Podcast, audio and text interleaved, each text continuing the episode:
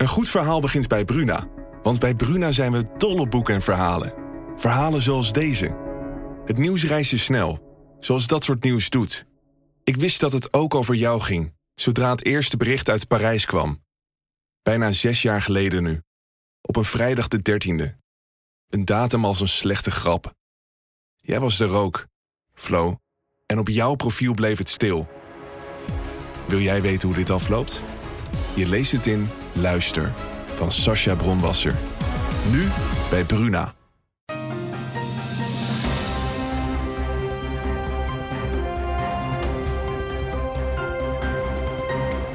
Dit is een podcast van de Telegraaf. In het land van Wierduk met Robert Ophorst. Donderdag 18 juni. Mijn naam is Robert Ophorst, nieuwsregisseur van de Telegraaf. En bij mij aangeschoven in de podcaststudio in levende lijven, Wiert Duk. Ja, ik leef toch. Wiert, welkom.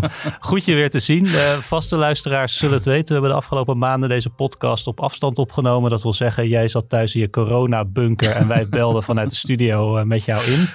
Maar Ja, eh, goed, je weer, eh, goed je weer in levende lijven te zien hier in de studio. Eh, we zitten wel op veilige meer dan anderhalve meter afstand Ja, van maar of elkaar. deze pop- plopkap zie je nou, hoe heet ze, of die nou echt on- ontsmet zijn en zo, dat is maar helemaal de vraag. We gaan ervan uit Ja. dat, het, eh, dat, het, eh, dat het goed is. Eh, Zijn de stembanden een beetje soepel? Nou ja, volgens mij wel. En als we hier in de studio is altijd, eh, hoor je zelf altijd veel beter terug. Dus ehm, ik denk dat het wel gaat lukken. Mooi. Bovendien is er heel veel te vertellen en ons aan, waar we ons aan kunnen ergeren en over kunnen opwinden. Dus dat zit dan, dan ook wel weer goed. Ja, word je niet eh, een beetje moe van eh, het ergeren? Ehm, nou, moedeloos eigenlijk eh, van wat er allemaal gebeurt. En ehm, ik denk niet dat ik. kijk, ik ga al de hele tijd mee, maar ik heb nog nooit in een tijd geleefd waarin de gekte zo groot was als nu. En de hysterie zo groot en de agressie ook. Ehm, nee, dat, dus dit is wel een hele merkwaardige periode in de geschiedenis waar wij nu in zitten. En dat, eh, nou ja, goed, het is aan ons om dat eh, te, te duiden. Maar ik denk dat heel veel mensen dat zo vinden hoor. Heel veel mensen ervaren dat zo. Dat hoor ik ook. Eh, mensen die zeggen, ja, maar dit gaat helemaal nergens meer over. Hè, dat die extremisten, dat die opeens over de hele westerse wereld gewoon het debat bepalen. En dat het hele gevestigde orde establishment gewoon zo snel op zijn rug gaat liggen. En aan die eisen van deze mensen, want we hebben het hier natuurlijk over Black Lives Matters en alle aanverwante groeperingen. Ja, dat, dat is echt, maar goed, ehm, daar Ja. gaan we het zo over hebben. Ja, en, en wat agressie betreft gaan we het ook nog hebben over eh, Dijon, Frankrijk, Ja. waar de Tsjetsjenen tegenover de Noord-Afrikanen staan. Eh, jij wilde er zo nog het een en ander over zeggen. Ja, Met name vanuit het Tsjetsjeense, perspectief. Ja, dat is wel een heel eh, illustratief ehm, eh, incident geweest, denk ik, daar in Dijon. waar we het zo meteen over gaan hebben. Waar eigenlijk honderden Tsjetsjenen neerdaalden op die stad om een soort wraakactie ehm, uit te voeren op Noord-Afrikanen daar. En ehm, ik, ik ken de Tsjetsjenen goed, want ik heb eh, veel met ze omgegaan eh, toen ik eh, correspondent was in de voormalige Sovjet-Unie en de Tsjetsjense oorlogen versloeg. En ik denk dat het wel interessant is om daar het een en ander over te vertellen, een en ander te duiden. Ook eens te vertellen, ja, wat, wat doen die Tsjetsjenen eigenlijk in Europa? En hoezo kunnen zij opeens ongestraft zomaar zo'n vreselijk gewelddadige wraakactie daar uitvoeren? Hè? Gewapend met automatische wapens en ander wapentuig en zo. midden in het hart van de Franse Republiek. Ja, dat is toch wel. Ik verbaas mij er ook wel enigszins over dat dat niet veel groter nieuws was. Want Mhm. eh, dit is toch wel ook een hele merkwaardige illustratie bij de tijd waarin wij leven. Ja, het waren hallucinante beelden. Ik weet niet of de luisteraars al eh, gezien hebben, maar zo niet, dan zeker de moeite om dat nog even op te zoeken. Ja, dit Je leek een wat beetje je op wat eigenlijk. we door, doorgaans vanuit Syrië zien en eh, hè, eerder vanuit Irak. En nou ja, de Tsjetsjenen- zelf, die hebben, kennen dit natuurlijk vanuit hun tijd Mhm. in de oorlogen in Tsjetsjenië in de jaren negentig. Ja. In Grozny en eh, andere steden. En eh, nu, nu is dat opeens eh, gewoon zichtbaar in een wijk, in een vrij... niet, eens, eh, groot, niet eens een heel problematische wijk in uh, notabene de Mosserstad. eh, Nou, laten we niet al ons, eh, al ons kruid verschieten. We gaan het er zo nog eh, uitgebreid over hebben. We gaan het ook Ja. hebben over een oproep tot gematigdheid in het, eh, in het eh, racisme-debat. Ja. Daar gaat jou in Nederland deze week ook over. Maar we beginnen even, dat appte jij ook, want we appen voorafgaand aan de uitzending Ja. altijd even waar jij het over wil hebben of waar we het over willen hebben. En jij zei, ik wil het hebben over de cancel culture Ja. ehm, eh, en Black Lives Matter. Is cancel culture hetzelfde als deplatforming of is dit weer Eh, iets ja. anders? Ja. Wat is het? Ja, en ik heb nog eens teruggekeken wanneer ik zelf eh, op sociale media daarover begon. En dan zie je al een jaar of drie geleden, sowieso twee jaar geleden, eh, dat ik op eh, Twitter eh, be- begon over die Amerikaanse can- cancel culture. Want Leg even uit wat het is. ja, wat, wat daar dus toen al aan de orde was en wat nog helemaal of nauwelijks was doorgedrongen tot Nederland, dat is dat zich daar langzamerhand een soort culturele revolutie aan het ontvouwen was op die eh, Amerikaanse campussen. Eh, dat eh, betekent dat geradicaliseerde eh, jongeren, studenten, bepaalde curricula en bepaalde docenten ook niet meer accepteerden. En dat, dat, hè, destijds stoken allerlei filmpjes op waarin je zag dat docenten, ook Jordan Peterson overigens, die bekende intellectueel in Canada, die werd daar slachtoffer van. Waarin dus volstrekt redelijke docenten die enigszins afwijkend, hè, van, enigszins van het linkse discours afwijkend eh, verhaal hielden in hun collegezalen en bij hun werkcolleges. Die werden dus het spreken onmogelijk gemaakt. Van hen werd gezegd, ja, jij deugt niet. Hè? Dat is Mhm. ook die deugdcultuur. Eh, wij, willen niet, eh, dat, wij willen dit niet moeten aanhoren, want dit ervaren wij als microagressie. Ja. En microagressie is dat als je dus jij in je hoogstpersoonlijke eh, ehm, opvattingen en in je hoogstpersoonlijke emoties je geraakt voelt, bijvoorbeeld eh, tegen iemand die kritiek op jou heeft. Daar komt het eigenlijk op neer. Ehm, eh, en dat ehm, ontwikkelde zich enorm snel en er doken allemaal filmpjes op waarin je dus echt ziet dat die docenten worden belaagd tot in hun collegezaal en dat van hen werd geëist dat zij excuses aan zouden bieden en dat zij zich zouden houden aan het dwingende, dat linkse verhaal wat deze eh, de, eh, demonstranten, die studenten dus willen horen. En dat ze uiteindelijk, en daar komt het inmiddels op neer, ook eh, zouden bijdragen aan de decolonisering van de wetenschap. Hè? Want dat is, op, dat is op dit moment ook zo'n dingetje. Niet alleen de, de, de, de publieke ruimte eh, en de politiek en de media, maar ook de wetenschap en de cultuur. Dat moet allemaal worden gedecoloniseerd. Want al die opvattingen die die dus, docenten dus daar hè, over eh, sociologie en maatschappijleren, al die zaken, filosofie, wijsbegeerte en zo, noem maar op. Al die opinies die daar dan werden gedoseerd, die zouden allemaal, daar hebben we het vorige week over gehad, in, in dienst staan van het, de witte suprematie. En die universiteiten moeten ook een veilige omgeving zijn, geloof ik. Precies, het doet studenten. ook, Dus ook die, hè, die safe spaces ideologie op. Je moet je daar veilig kunnen voelen, dus je moet niet geconfronteerd worden Ja. met meningen. En als er dan iemand komt spreken aan wiens mening je aanstoot neemt of die jij eh, als beledigend ervaart, dan wordt er gepoogd om zo iemand eh, het, Te podium te, het podium te ontnemen. Ja, dat gebeurde ja. hier op een gegeven moment ook. Toen kwam Jordan Peterson, die kwam naar Nederland, naar de, hier naar de Universiteit in Amsterdam. En toen gingen er ook allemaal stemmen op om deze man te deplatformen. Dus om dat onmogelijk te maken dat hij hier... Zo iemand moeten wij niet uitnodigen. Is Ja, zo iemand eh, moeten wij niet uitnodigen, want eh, ook al ben je, hè, ook al eh, ben je er kritisch op, dan nog is het feit dat deze man of vrouw hier zijn mening kan verspreiden schadelijk voor onze, eh, Ja. voor onze jo- jongeren. Is het een, eh, een hoopvol teken dat er nog geen Nederlandse term voor is? Dat het nog niet zo ergens overgewaaid dat we er nog geen Nederlands woord voor hebben? Eh, nou nee, want wij nemen voor, hè, de- altijd Engelstalige woorden natuurlijk over. En dan krijgen wij die in, in onze eigen context, worden die dan gewoon ook werkelijkheid.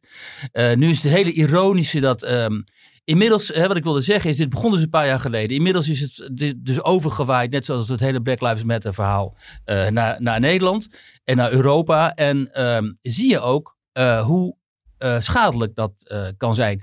Ik werd er zelf, ben er natuurlijk veelvuldig mee geconfronteerd de afgelopen jaren. Dat is ook iets waar me enorm over verbazen. Dat bijvoorbeeld dan vanuit de academie, ik herinner mij een universitair eh, docent uit Utrecht, die wilde mij een tijd lang het spreken onmogelijk maken. En die begon mij echt op, op, op Twitter, te- bijvoorbeeld noemde hij mij dan een stuk schimmel. Mhm. Hè? En dan kreeg hij een heel aantal van zijn collega's mee in zijn kielzog. Bij de VU werkt iemand, van wie we de naam niet zullen noemen, die in zijn blogs al jaren iedereen die een onwelgevallige mening laat horen, uitmaakt voor racist en fascist en zo. En, eh, dat, dat, dat, dat kan ook allemaal. Ehm, nou ja, Erik van Muiswinkel natuurlijk, de man die eh, jarenlang Zwarte Piet speelde. eh, en die ook mij letterlijk opriep op Twitter om mij te stoppen. En dat was eigenlijk een oproep tot geweld. Die zat afgelopen week gewoon weer bij Dit is M te huilen over het feit dat hij 18 jaar maar liefst Zwarte Piet was geweest. En niet één iemand van kleur in zijn vriendenkring had, waardoor hij uiteindelijk ook kon begrijpen dat dat niet goed was. Maar na 18 jaar Zwarte Piet spelen was en dat dan toch uiteindelijk wel duidelijk geworden. Maar goed, deze mensen, ehm, die krijgen gewoon de ruimte, ook in, de, uh, in, onze, hè, in onze media, om te zeggen dat andersdenkenden, zoals ik, maar ook heel veel anderen, uh, dat die ten eerste niet gehoord moeten mogen worden. Ten tweede, als ze dan wel gehoord worden, dat zij racisten en fascisten zijn. En ten derde, als ze dan een beetje te lang gehoord wordt, dat het dan toch eigenlijk wel eens tijd is om deze mensen om te leggen. Daar kwam het uiteindelijk op neer. En dit heeft nu, uh, dit type denken heeft nu um, epidemische vormen aangenomen. En wat, mij nou zo, wat ik nou zo interessant vind en opmerkelijk, dat is de enorme lafheid waarmee het establishment en zeg maar de gevestigde orde op deze druk uh, reageert. Ik ken toevallig ook wel mensen binnen die antiracismebeweging en zo, want ik ben journalist en ik ken overal mensen. En notabene, zij zelf zeggen tegen mij, nou, dit hadden we niet verwacht, dat die gevestigde orde zo bang zou worden en dat die zo snel zou tegemoetkomen aan al onze wensen. Dat is toch mhm. wel heel opmerkelijk. En zeggen ze, dat is ook eigenlijk helemaal niet de bedoeling. Want in een democratie is het natuurlijk wel de bedoeling dat je um, ideeën uitwisselt en met elkaar laat, uh, laat confronteren. Het is niet de bedoeling dat als wij roepen dat alle standbeelden weg moeten, dat al die standbeelden dan ook bij maar weg wacht wie heeft dat tegen jou uh, zo gezegd? Ja, dat kan. Ik, kan, ik ga niet, hè, dat heb ik ook beloofd. Ik ga niet zeggen wie dat gezegd mm -hmm. heeft. Maar dat is wij dus letterlijk vanuit die groep, althans sympathisanten mm -hmm. rond die groep. Ze waren verbaasd dat ze nu zoveel um, die zijn dus, vonden. Die zijn dus zelf verbijsterd over het feit mm -hmm. dat zij opeens zijn de deuren open gegaan. Ja. En ze krijgen alle ruimte. Hè? En dat zie je ook bij die talkshows. Als je kijkt naar dat op 1 of naar mm -hmm. Dit is M of naar Bo. Daar zitten dus meestal blanke presentatoren. Vol deemoed hun schuld te beleiden. Van oh god, wij zijn zo vreselijk schuldig. Want we zijn blank en we zijn als schuldigen geboren. Dus kom in vredesnaam aan onze tafels ja. vertellen uh, wat wij kunnen doen, wat wij van jullie kunnen leren, zodat wij minder schuldig zijn. Maar hè? is dat ook niet deels waarom dit, uh, deze beweging die er nu uh, op, uh, op, gang is gekomen, die antiracisme-protest, wat het anders maakt van de vorige keer? Dat wordt nu dus toch, toch ook af en toe gezegd van ja, we demonstreren of protesteren al decennia tegen ja. racisme en discriminatie en dat er wordt altijd gezegd van ja, uh, daar zijn het mee eens. Of nou ja, in ieder geval misschien, we zijn niet zo uh, racistisch als, uh, als jullie zeggen. Of als sommige mensen beweren. Maar dat het verschil nu is dat mensen meer willen luisteren meer naar die geluiden. Ja. En meer bereid zijn om, om ook te erkennen dat, dat het misschien toch wel nog steeds een groot probleem is. En dat we er nu toch echt een keer met z'n allen wat aan moeten doen en meer moet aan moeten doen dan voorheen. Nou ja, wat ik zeg, je zijn jaren aan voorbereidingen aan vooraf gegaan. Hè? In de Verenigde mm -hmm. Staten zag je dat dus heel duidelijk in, de, uh, in die colleges en op de universiteiten en de mainstream media. Die hebben dat narratief, zoals het heet, volledig overgenomen. Hè? De New York Times is, wat ooit een gerespecteerde kwaliteitskrant was, is gewoon al jaren een, een activistenkrant hè? Die, tegen Trump. Deze -hmm. mensen zijn ook tegen Trump, dus het komt goed uit. Dan, hè, dan instrumentaliseren wij deze beweging ook in onze uh, aanvallen op Trump. Zo, zo denken zij daar. Um, en in Nederland is natuurlijk dat uh, Zwarte Piet debat is de aanjager geweest van uh, Black Lives Matter. En um, dat die Zwarte Piet, die antiracismebeweging, die kick-out Zwarte Piet beweging, was eigenlijk een hele kleine groep activisten die gewoon het traceerbaar was tot een man of 30, 40 mm -hmm. misschien. Alleen omdat ook in, omdat die die een deel van de media ook zo zijn meegegaan in dat verhaal. Dat Zwarte Piet een, een racistische karikatuur zou zijn, enzovoort, enzovoort. En ook bestuurders en het bedrijfsleven. Hè. Noem maar op, al die instituties, die zijn heel snel meegegaan in dat verhaal van Jerry Afrier en, um, uh, en um, uh, Mitchell Jezaes van de Kick-Out Zwarte Piet. Um, en daardoor hebben zij een steeds groter platform gekregen. En omdat zij, zoals ik eerder zei, iedereen die zegt: ja, maar horen ze even, wij zijn het helemaal niet eens met dat verhaal. Of dat verhaal is genuanceerder. Of kunnen we misschien een wat genuanceerder historisch uh, beeld schetsen van Zwarte Piet. Misschien is het helemaal niet een racistische karikatuur, maar is het deel van een oud volksverhaal en zo. Die werd dus uh, racist genoemd door deze mensen en hun sympathisanten. En dan is er, uiteindelijk is de angst zo groot de angst bij zoveel mensen is zo groot dat ze nu, nu die Black Lives Matter internationaal is geworden, onmiddellijk op hun rug gaan liggen en meegaan. En uh, kijk, er is, hè, die disclaimer moeten we er altijd bij zetten. Natuurlijk is er institutioneel racisme in die zin van dat, uh, ja. maar goed, dat zeggen we altijd op de arbeidsmarkt. En, mm -hmm. Waar dan ook, huizenmarkt, woningmarkt, daar, daar bestaat er. Racisme is een concreet Ja. probleem in die westerse samenlevingen en überhaupt over de hele wereld. Daar gaat het al helemaal niet om. Het gaat er hier om dat er wordt toegegeven aan een politieke agenda. Dat is ook een marxistische agenda. Black Lives Matter is een marxistische beweging. Je zag ook eh, Jerry van Kik Zwarte Piet die afgelopen week weer op die eh, anti-Israël demonstratie stond te praten over dat hij Israël wil boycotten en zo. Dat is, zit allemaal in één lijn van eh, hun politieke eh, agenda. En het, eh, waar, we, waar we hiermee begonnen is het, het kwalijke dat zo snel die gevestigde orde meegaat in die roep om mensen te ontslaan en mensen de, te deplatformen. En nou heeft mijn collega Roderick Velo van RTL, die samen met Bert Brussen ook een fantastische podcast heeft trouwens, de TPO-podcast. Die heeft dus op een rijtje gezet in een column van 18 juni, dus dat is dan vandaag. Ehm, um, een aantal van die incidenten op een rij gezet. hè. Mhm. En dan begint hij met de straatnaamborden op eh, Penny Lane. Want Penny Lane is gewoon echt een, een, eh, iconisch liedje van eh, de Beatles. Ja. Maar de activisten die hebben eh, de geschiedenis van die James Penny enigszins ehm, uitgezocht. En dat hè, een Engelse koopman uit de 18e eeuw, die was eigenaar van slavenschepen.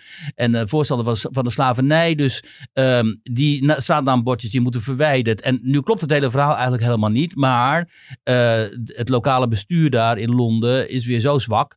Dat ze daar zeggen van ja oké weet je wat, dat gaan we dan doen. Laten we die... eh eh, straataanbordjes maar verwijderen. Hij heeft ook een mooi voorbeeld van eh, Starbucks. Bij Starbucks zeiden ze eerst van eh, ons personeel mag geen, geen t-shirts dragen met Black Lives Matter erop. Nou, er werd, die interne mail die werd gelekt. Overal protest. mensen die schande riepen. En wat is het gevolg? Er worden nu 250.000 t-shirts gedrukt met het logo van Bla- Bla- Black Lives Matter. En, ehm, en die mogen het personeel dan gaan draaien. Nog erger, nog erger, de CEO van T-Mobile. Ehm T-Mobile en Disney die hebben notabene hun advertenties teruggetrokken van de overigens ook een geweldige eh, show van Tucker Carlson. Dat is, die zit bij Fox News, Mhm. presentator. Eh, Tucker Carlson is ook in dit debat weer ehm, voor een groot deel eh, de vertegenwoordiger van de conservatieve reden, zeg maar. Hè, dus ik kan ik mensen aanraden om daar naar te kijken. Maar ja, hij zou dan weer racist zijn in de ogen van de activisten. En nu hebben zowel eh, T-Mobile als ehm, eh, Disney hun advertenties teruggetrokken. En dan niet alleen dat, maar dan. Eh, wat doet dan de CEO van T-Mobile? Die twittert dan. Eh, bye bye Tucker Carlson. Nou ja, en, enzovoort, enzovoort. Hè, We kennen allemaal het incident rond uh, Towers. Mhm. Die aflevering van. ehm, die aflevering eh, met die Duitsers. Hè, die, die, Don't mention the war. Van precies, het, die iedereen, in ieder geval van mijn generatie, kent. Die gewoon super grappig ja, is. Door Netflix en de BBC van de streamingsdiensten verwijderd. Ja, Tot, en- of althans, hij is inmiddels geloof ik weer terug. Ja, maar dan met een, eh, met een historische disclaimer. En nu is er dus, hè, de BBC heeft dat dan weer teruggeplaatst met disclaimer. Zo van, Mhm. dit is humor of zo, weet je wel. Voor degenen die niet begrijpen dat dit humor is, dit is bedoeld als humor. Ja, en hè, Little Britain was al gecanceld. En noem maar op, noem maar op. En ehm, dus dit, dit, dit, dit raakt aan de kern van onze cultuur en onze beschaving. Mhm. Namelijk, je mag spot drijven met men- mensen. Je hebt de vrij- vrijheid van meningsuiting. Een beetje zelfspot is ook wel fijn. En alles mag benoemd worden als je maar niet oproept tot geweld. En juist deze kern die onze beschaving, onze landen en onze, eh, dit, deel van de wereld zo ontzettend sterk maakt. Dat wordt nu dus door deze activisten en onmiddellijk in hun kiel, kielzog, al die CEO's en omroepbonsjes en weet ik veel wat allemaal, wordt dat gewoon eh, de nek omgedraaid, eh, kapot gemaakt. En nu is het ontzettend ironische en grappige dat ehm, inmiddels die ca- cancel culture ook is aangekomen bij links. Dus wat doet eh, Claudia de Brij? Hè, de, de, de- Claudia die verder graag mag en zo. Maar zij is natuurlijk de, de, de profetesse van eh, links weldenkend, nou ja, tussen uh, aanhalingstekens links weldenkend Nederland. Die had een column over die ca- cancel culture, dat dat toch wel heel erg is. Mhm. Want wat zagen wij? Rechts wil die rap- rapper Aquasi cancelen. Nou, dan heb je het dus niet begrepen van die rapper Aquasi die op de Dam opriep tot geweld tegen Zwarte Piet. Hè. Hij zei van, Zwarte Piet moet aan zijn hoerenmoeder en als ik hem tegenkom in november dan trap ik hem eh, persoonlijk in zijn gezicht. Volgens hem zelf was dat overdrachtelijk bedoeld. Dat was overdrachtelijk bedoeld, maar ja, we hebben nog steeds niet begrepen hoe dan. Maar goed, dat probeert hij overal uit te leggen. Maar dus het gebeurt eigenlijk van twee kanten. Links probeert rechts het platform te Nee, kijk, nee. Nee, want hij wordt helemaal niet gecanceld immers. Waar wordt Aquasi gecanceld? Zijn tournee gaat gewoon door. Hij zit bij elke talkshow. Mhm. Hè? Hij schuift aan bij dit Dit is M bij op één. Hij mag zijn liedjes zingen. Ja. Eh, hij wordt geïnterviewd. Hij heeft zichzelf gecanceld door op een gegeven moment te zeggen... ja, het wordt me nu allemaal een beetje te veel, de kritiek. Dus ik trek me nu terug. Maar hij is niet door rechts gecanceld. Want wat Claudia hier niet begrijpt is dat zeg maar... Die, die, die, die, die opponenten van dit hele denken, van dit linkse, nou ja, van in ieder geval van dit, dit, dit type in, in intolerante denken, die hebben helemaal geen macht Nee. in die cultuursector of in die mediasector of elders. De Ja. macht zit natuurlijk bij, bij mensen zoals zij zelf en mensen die met haar sympathiseren. En juist die mensen, die cancelen andersdenkenden, hè? waar we het eerder over hadden. Ehm, maar als je dat niet snapt, als je niet snapt hoe het functioneert, ja, hoe moet je dan daar een gesprek Ja. mee voeren ook? En even los dan van deze tendens, wordt er nog wel genoeg gediscussieerd over en weer? Er zijn toch ook heel veel mensen nu met elkaar in gesprek en dat zijn soms hele verhitte discussies. Maar toch wordt er ook wel veel met elkaar gesproken over racisme en wat we daaraan kunnen doen en in hoeverre ehm, je, de, je misschien daar zelf ook iets aan kan doen. Hè? Ja, maar ja, dan krijg je inderdaad van die stukken zoals in de Volkskrant van eh, eh, hoe herken je racisme en hoe, hoe, hoe herken je het in jezelf? Mhm. Dus ervan uitgaande dat iedereen maar racist is. En, en zeker als je, hè, dat is ook de, de, de, de, de, de ideologie die dit begeleidt. Die gaat er inderdaad van uit dat iedereen die blank is, is ook al denkt hij zelf van niet, is een racist. Je wordt dus, elk blank kind wordt als racist geboren. En je kent dus, eh, je kunt dus via cursussen en, en via educate yourself, kun je erachter komen hoe afgrijzelijk racistisch je wel niet bent. En dan, dat, dat zag je dus ook in die, in die actie van die, Mhm. van die, laten we zeggen, geprivilegeerde, welgestelde blanke vrouwen deze week uit de cultuursector. Die, Die dan- Instagram-account Die dan aan- heel welwillend hun Instagram-account af- afstonden aan zwarte vrouwen. Om, zodat die donkere vrouwen hen konden leren ehm, hoe je vanuit het perspectief van een donkere vrouw naar de wereld kijkt. En wat ik nou zo ontzettend teleurstellend vind aan die donkere vrouwen is dat ze niet zeggen, joh, rot even op met je Instagram-account. Ik heb er zelf ook een. Ik ben een succesvolle succesvolle, ondernemende, zelfstandige vrouw. Ik heb niet de Instagram-account van Halina Rijn of weet ik veel wie nodig om mijn punt te maken. Maar wat deden ze? Ehm, ze gingen erop in. Dus ze, ze accepteerden dat kennelijk vriendelijke aanbod eh, om, om eh, en daarmee erkenden ze dus intrinsiek dat zij dus in zekere zin ondergeschikt staan Mhm. aan die vrouwen die, die hun Instagram-account Ja. afstonden. Maar nou zal, het dat voor vind die, ik gewoon koloniaal. nou zal het voor die mensen voelen alsof ze nader tot elkaar zijn gekomen en ehm, een eh, gemeenschappelijke basis hebben gevonden. En eh, Ja, dat schreven een aantal van die, van die blanke dames ook van... eh, ik, ik hoop heel veel te leren. En ik hoop hiervan hè, ehm, dat ik meer inzicht krijg in de belevingswereld van de zwarte medemens en zo. Maar dan denk ik, jongen, we zijn 2020. Hallo, ik heb nog eens gekeken, ik heb nog eens foto's gekeken van mijn vriendengroep van toen ik 25 was. Hè? En dat was gewoon, ik woonde in Groningen destijds. laten we Die deze de foto's helft na zwart. de uitzending online zetten en eh, Nou, dat wil ik met wel onze doen. luisteraars. Die was dus gewoon voor de helft, het waren Molukkers, Suriname, die was voor de helft zwart. Mhm. En nu gaan mensen eh, eh, in 2020, terwijl je een, een, een positie hebt in de mediawereld, in de culturele wereld, ga je zeggen: Goh, ik ken eigenlijk, zoals Erik van Muiswinkel, Mhm. ik kende eigenlijk niemand van kleur. En het heeft me 18 jaar geduurd voordat ik begreep wat, wat hun belevingswereld is. Waar was je dan al die Mhm. tijd, denk ik dan? Weet je, en, en, en en als ik, het donk, als, ik, als ik zelf van kleur zou zijn, zoals die mensen zeggen, dan zou ik denken, joh, je hebt een aantal afslagen gemist. Jammer dan, maar ik ga me hier niet voor, voor, voor lenen, voor dit soort, eh, voor dit soort, laten we zeggen, deugexercities, want dat is het natuurlijk. Ja.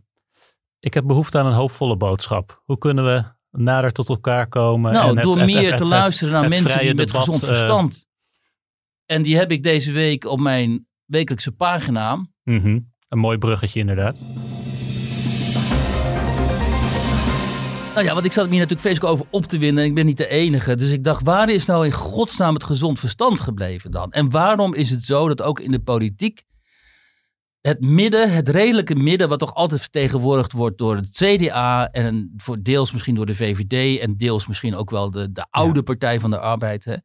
In ieder geval eh, het midden van de politiek, de volkspartijen. Ja. Waar zijn die in dit debat? Het debat is gekaapt door beeldenbekladders van Black Lives Matter en bloemenleggers als Thierry Baudet. Dat zijn niet mijn eigen woorden, maar dat zijn de woorden van eh, Esther Franke. Een van de mensen die jij opvoert in dat verhaal. Ja, dus ik vroeg op sociale media van joh, waar zijn nou de jonge conservatieven, de gematigd conservatieven, dus uh, hè, die, die altijd toch in Nederland uh, ook deels uh, in allerlei generaties in Nederland de ruggengraat van de samenleving, media hebben gevormd. Waar zijn die in dit debat? En toen kreeg ik ontzettend veel reacties. Dat was dus heel grappig. Ik had, ik had er eigenlijk helemaal niet, niet veel verwachtingen van. Maar ik kreeg heel veel reacties en e-mails van jongeren, van twintigers, die zeggen: ja, dat zijn wij.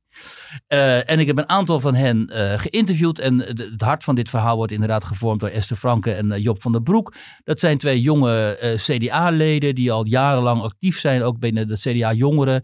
en Esther die werkt bij de raadsfractie van het CDA in Rotterdam en studeert daar ook aan de Erasmus Universiteit. En Job die, die werkt en studeert in Utrecht, politieke geschiedenis, mhm. heel goed, want ik heb ook geschiedenis gestudeerd.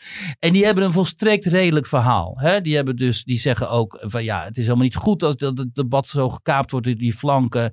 Wij begrijpen ook wel dat er sprake is van racisme in Nederland. Maar als je naar de feiten kijkt, wat Esther zegt, en dat is ook zo, dan neemt het racisme juist af. Daar hebben we het ook al vaker over gehad in deze podcast. Mhm. hè? Dat is dat, dat begrip van die normatieve ophoging. Weliswaar neemt racisme af, maar de gevoel, doordat de gevoeligheid ervoor in de samenleving toeneemt, lijkt het alsof er sprake is van heel veel ja. uh, racistische en incidenten. Zeggen, je kan het ook aan de kaak stellen en er iets aan proberen te doen zonder beelden te bekladden of zonder bloemen te leggen. Bij, ja, en ze, precies. Zij zeggen ook, joh, zoals waarom, heeft gedaan. waarom moet je de coronamaatregelen overtreden massaal? En waarom moet het op zo'n agressieve manier? Hè? Ook iemand anders, Renate van Leeuwen, die zit bij CDA Katwijk. Die is al iets ouder, die is 28. Die zegt ook, ik wil heel ver meegaan in, in, in, in uh, dat verhaal. Want iedereen begrijpt wel dat dat verhaal, dat dat, uh, dat dat ook op feiten baseert voor een deel. Maar in die hele uitsluitende en agressieve taal van Black Lives Matter, waarin je alleen maar opdrachten krijgt eigenlijk. Hè? Dat hele educate yourself. Je moet leren, je moet je mond houden, je moet achter in de rij aansluiten. Als blanke weet je niks. Je bent een racist, luister naar ons. Dat is een heel totalitair verhaal natuurlijk. En in Nederland, consensusland, kom je, is het uiteindelijk niet houdbaar. Op dit moment lijkt het wel alsof al die media en zo en ook die instituties meegaan in dat verhaal.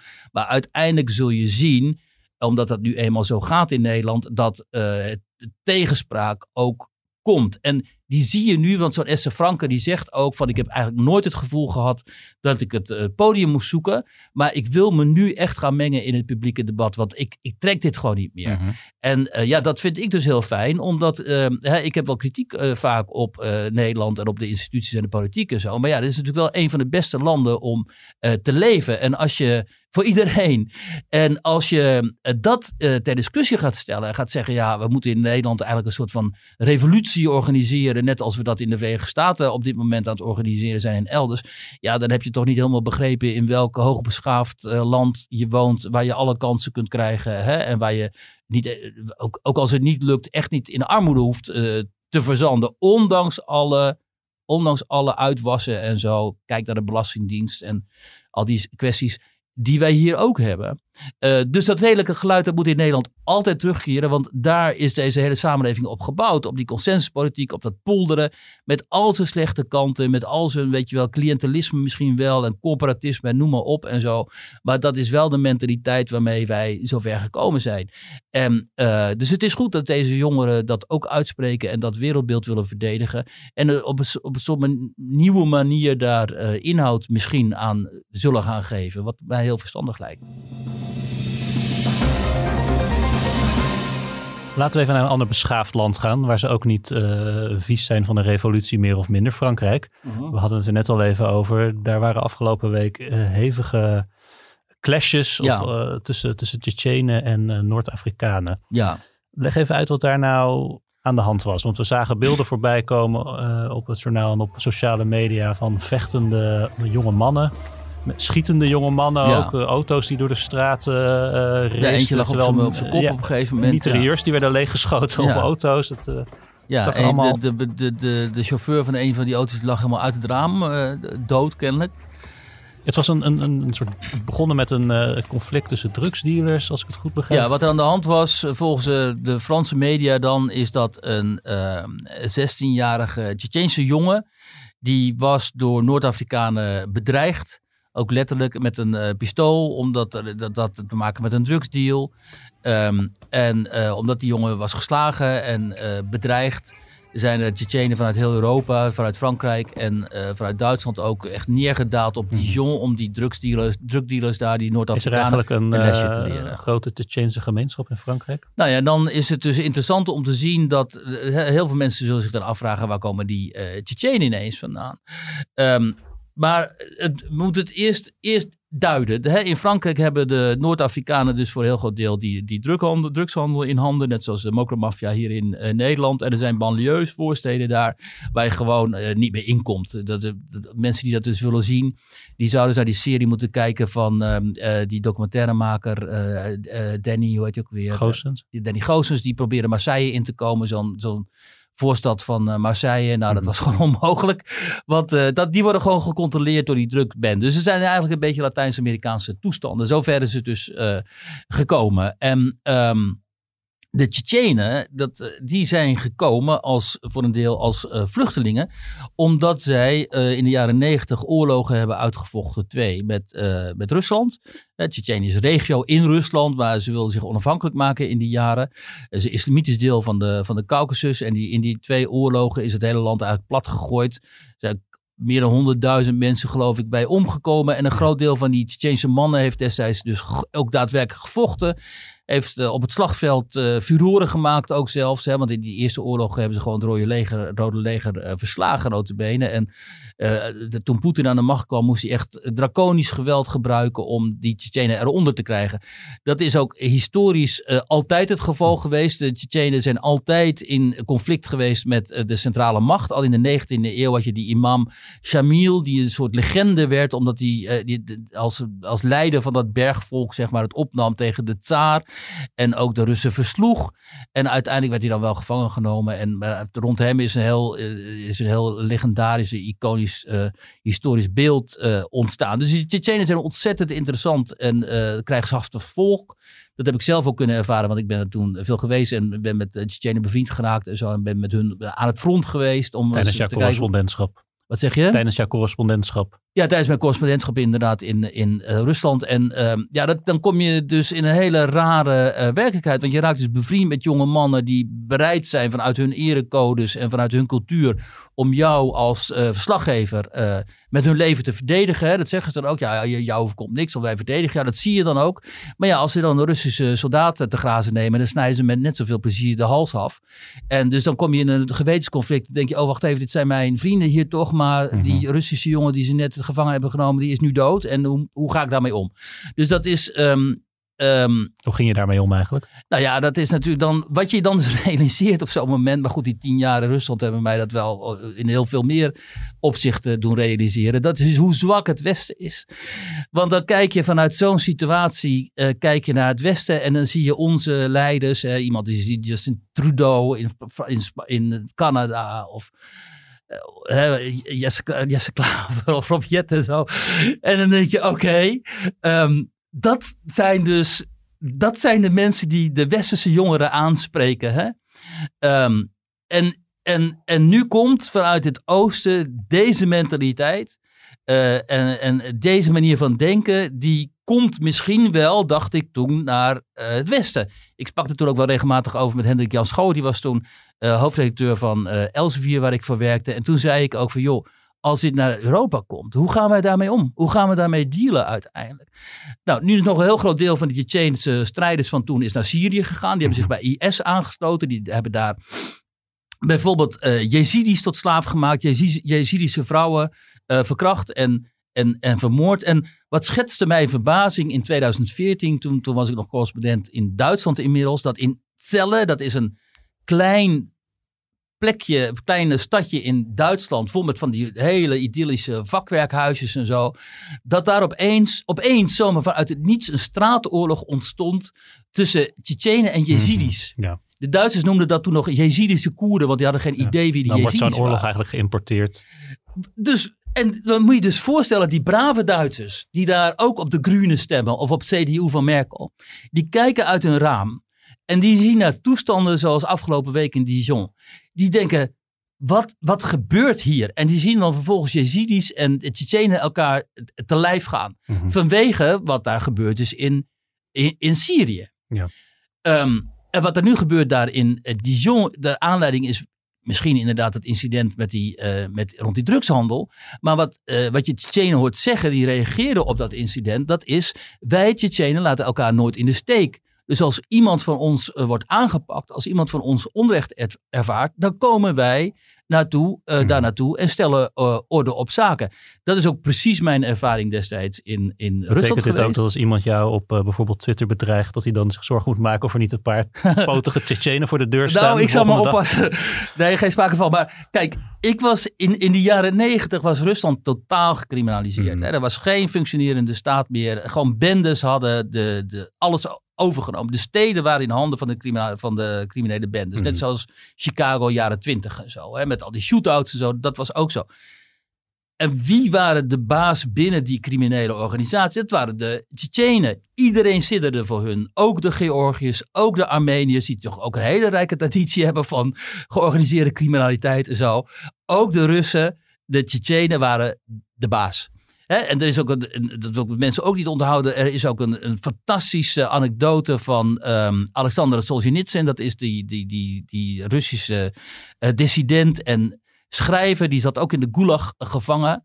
En die heeft zo'n anekdote over de, de Tsjetsjenen. Hij zegt, in de Gulag zegt hij, schreef hij... Iedereen boog uiteindelijk. Iedereen hè, onder de druk van de martelingen en de kou en de honger en alles.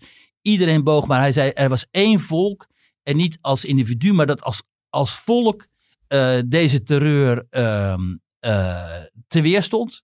En dat niet boog. En dat met een soort van nonchalance ook daarmee mee om kon gaan. En dat waren de uh, Tsjetsjenen. En als ik dan zo'n incident zie in, als in Dijon waarin die Tsjetsjenen dus Noord-Afrikanen te grazen nemen, uh, dan maak ik mij wel zorgen, moet ik zeggen, over de toekomst van Europa, omdat de afgelopen jaren natuurlijk ook hele grote aantallen uh, mensen vanuit die oorlogsgebieden daar in het Midden-Oosten naar het westen zijn gekomen. En een groot aantal van hen heeft gewoon ook gevochten natuurlijk in die, in die oorlog daar in, uh, in uh, Syrië en waarschijnlijk ook in Irak. En ja, daar stellen wij nou niet bepaald hele krachtdadige leiders tegenover. We stellen er niet eens een verhaal tegenover dat zegt: jongens, moeten wij niet beter gaan oppassen met wie we hier precies binnenhalen? Hè? Zelfs dat wordt al door uh, heel veel mensen aangemerkt als een bijna racistische gedachte. Als je zou zeggen van, kunnen we niet wat beter selecteren op de mensen die we binnenhalen? Mm En moeten we hen niet wat beter uh, screenen? Nou ja, zelfs dat is niet het geval. En uh, uiteindelijk een uitwas, zoals je daar dan ziet in Dijon, wat ongetwijfeld ook niet de enige, het enige incident zal blijken te zijn, dat is daar dan, daar dan van het gevolg. Um, en weet je wat mij dan zo, wat mij dan wel raakt of zo. Dat is uh, net als dat ik een aantal jaren geleden al schreef van... Uh, zeg, uh, zit hier niet een soort hè, equivalent van de Chinese culturele, culturele revolutie aan te komen? Toen ik zag hoe die, die Amerikaanse docenten daar kapot werden gemaakt heb ik ook al vaker geschreven. Ja, volgens mij belanden we op een gegeven moment op een, in een soort van low intensity civil war of zo. In die, in die, eh, is dan zo'n begrip mhm. vanuit de, de polemologie, denk ik. Uh, in, die, in die voorsteden daar uh, in, in Frankrijk en, en misschien ook wel in Duitsland, waar, waar Arabische bendes het voor het zeggen hebben in delen van de, de Duitse steden. Uh, in Nederland veel minder overigens, maar hoewel we hebben hier die mokermafia. Maar goed, dat begrip dat je te maken krijgt met een soort criminalisering die, die bijna overgaat in een soort militarisering van die wijken ook. Mm -hmm. Nou ja, dat heb je dus gewoon afgelopen week kunnen zien. Ja. Be be bewijs is geleverd, lijkt mij. Ja. Nou, het is weer een uh, inktzwart beeld wat hier geschetst wordt. Dus we zijn ook een beetje... Nou, de zomer staat voor de deur. Mensen kunnen weer op vakantie naar Frankrijk ook. We zitten tegen het einde van Rijd de... vooral ook even door Dijon als je uh, ja, naar van het de podcast. Hey, laten we nog even op een posit met een positieve noot eindigen alsjeblieft. Ja, nou dat dus. nou ja, het mooie is, kijk, de meeste mensen die, hebben, die zien het helemaal niet. Of ze hebben er helemaal geen last van. Of in, in principe hebben wij ons in ons privéleven daar ook geen last van. Natuurlijk mm. alleen als de bestuurlijke en de politieke kastes, als die, als die dit ook niet zien. En als die ook geen antenne hebben, als die geen antenne hebben voor wat er aan zit te komen en zo. Zoals in het geval van die Black mhm. Lives Matter beweging. En misschien ook wel van die criminalisering van delen van Europa. Ja, dan, dan, dan, dan, dan ontstaat er natuurlijk wel een enigszins donker beeld over de, de toekomst van dit uh, ja. continent. En daar ben ik ook niet de enige en dan ben ik ook niet echt een doemdenker. Want hè, iedereen kan bijvoorbeeld Douglas Murray lezen over The Strange Death of Europe. En die is ook in Nederlandse vertaling verkrijgbaar. En daar staat dit hele beeld eigenlijk gewoon ook in beschreven. Wiert, dankjewel weer. Dat was ook nog even een boekentip aan het eind. dankjewel. Alle luisteraars ook bedankt. En uh, graag tot volgende week. Interesse in meer podcasts? Luister dan naar Afhameren met Wouter de Winter. Een wekelijkse podcast met het laatste nieuws uit Den Haag. Scherpe analyses, opmerkelijke fragmenten en een blik achter de schermen.